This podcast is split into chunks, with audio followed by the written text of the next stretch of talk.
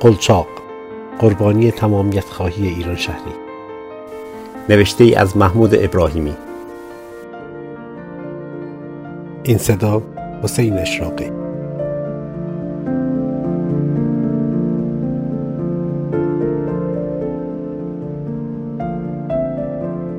فیلم سینمایی قلچاق از راهیابی به جشنواره فجر باز ماند. آن هم به یک دلیل ساده ترکی بودن زبان فیلم. ما که فیلم را ندیده ایم اما بهروز افخمی یکی از ده فیلمساز برتر تاریخ سینمای ایران می‌گوید که فیلم حیرت انگیز بوده و انگیزه هیئت داوران برای ممانعت از راهیابی به جشنواره به دلیل ترکی بودن زبان فیلم بود.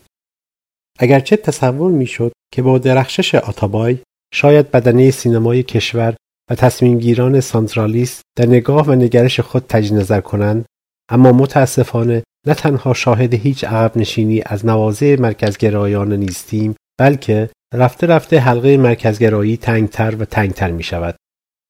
هرچند اسقر یوسفی نژاد کارگردان تبریزی فیلم سینمایی قلچاق پیشتر نیز با ساختن فیلم او به همین سطح مرکزگرایی خورده بود اما این بار به گفته افخمی با فیلمی جاندار و مایدار پا به عرصه گذاشته بود البته من فکر می کنم اگر کارگردان آتابای خانم نیکی کریمی نبود آتابای هم به سرنوشت او و قلچاق دچار می‌شد.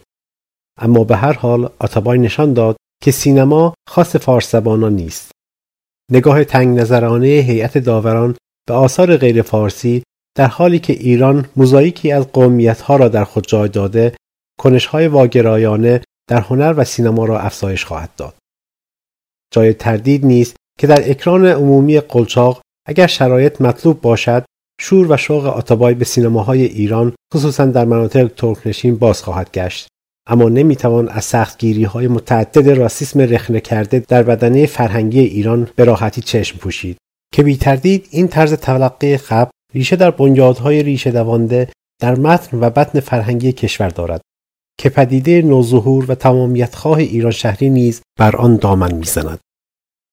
تصور می کنم در حالی که باید در خصوص اقوام ایرانی به جهت اشتباهات فاحش دوران حکومت پهلوی و نادید انگاری رنگین کمان اقوام در شرایط فعلی راهبرد تبعیض مثبت را به کار برد اما متاسفانه با نگرش های تقلیلگرایانه برخی از تولیدات بیمایه فارسی طی یک رقابت مخرب برجسته سازی می شوند و آثار فاخر غیر فارسی محجور می مانند و جریان مرکزگرا نمی تواند تولید یک فیلم به زبان ترکی را بر بتابد. جریان دیگری ستیز و دیگری ساز اگرچه به زعم خود تلاش می کند دست به یکسانسازی فرهنگ بزند اما غافل است که نادید انگاری تک تک معلفه های فرهنگی کشور به باز تولید خشونت و واگرایی بیشتر منجر می شود. اگر امروز فقط پنج مورد از سرچشمه های بحرانزا را در ایران احضا کنیم بی تردید یکی از آنها خشونت زیرپوستی علیه حاشیه کشور است.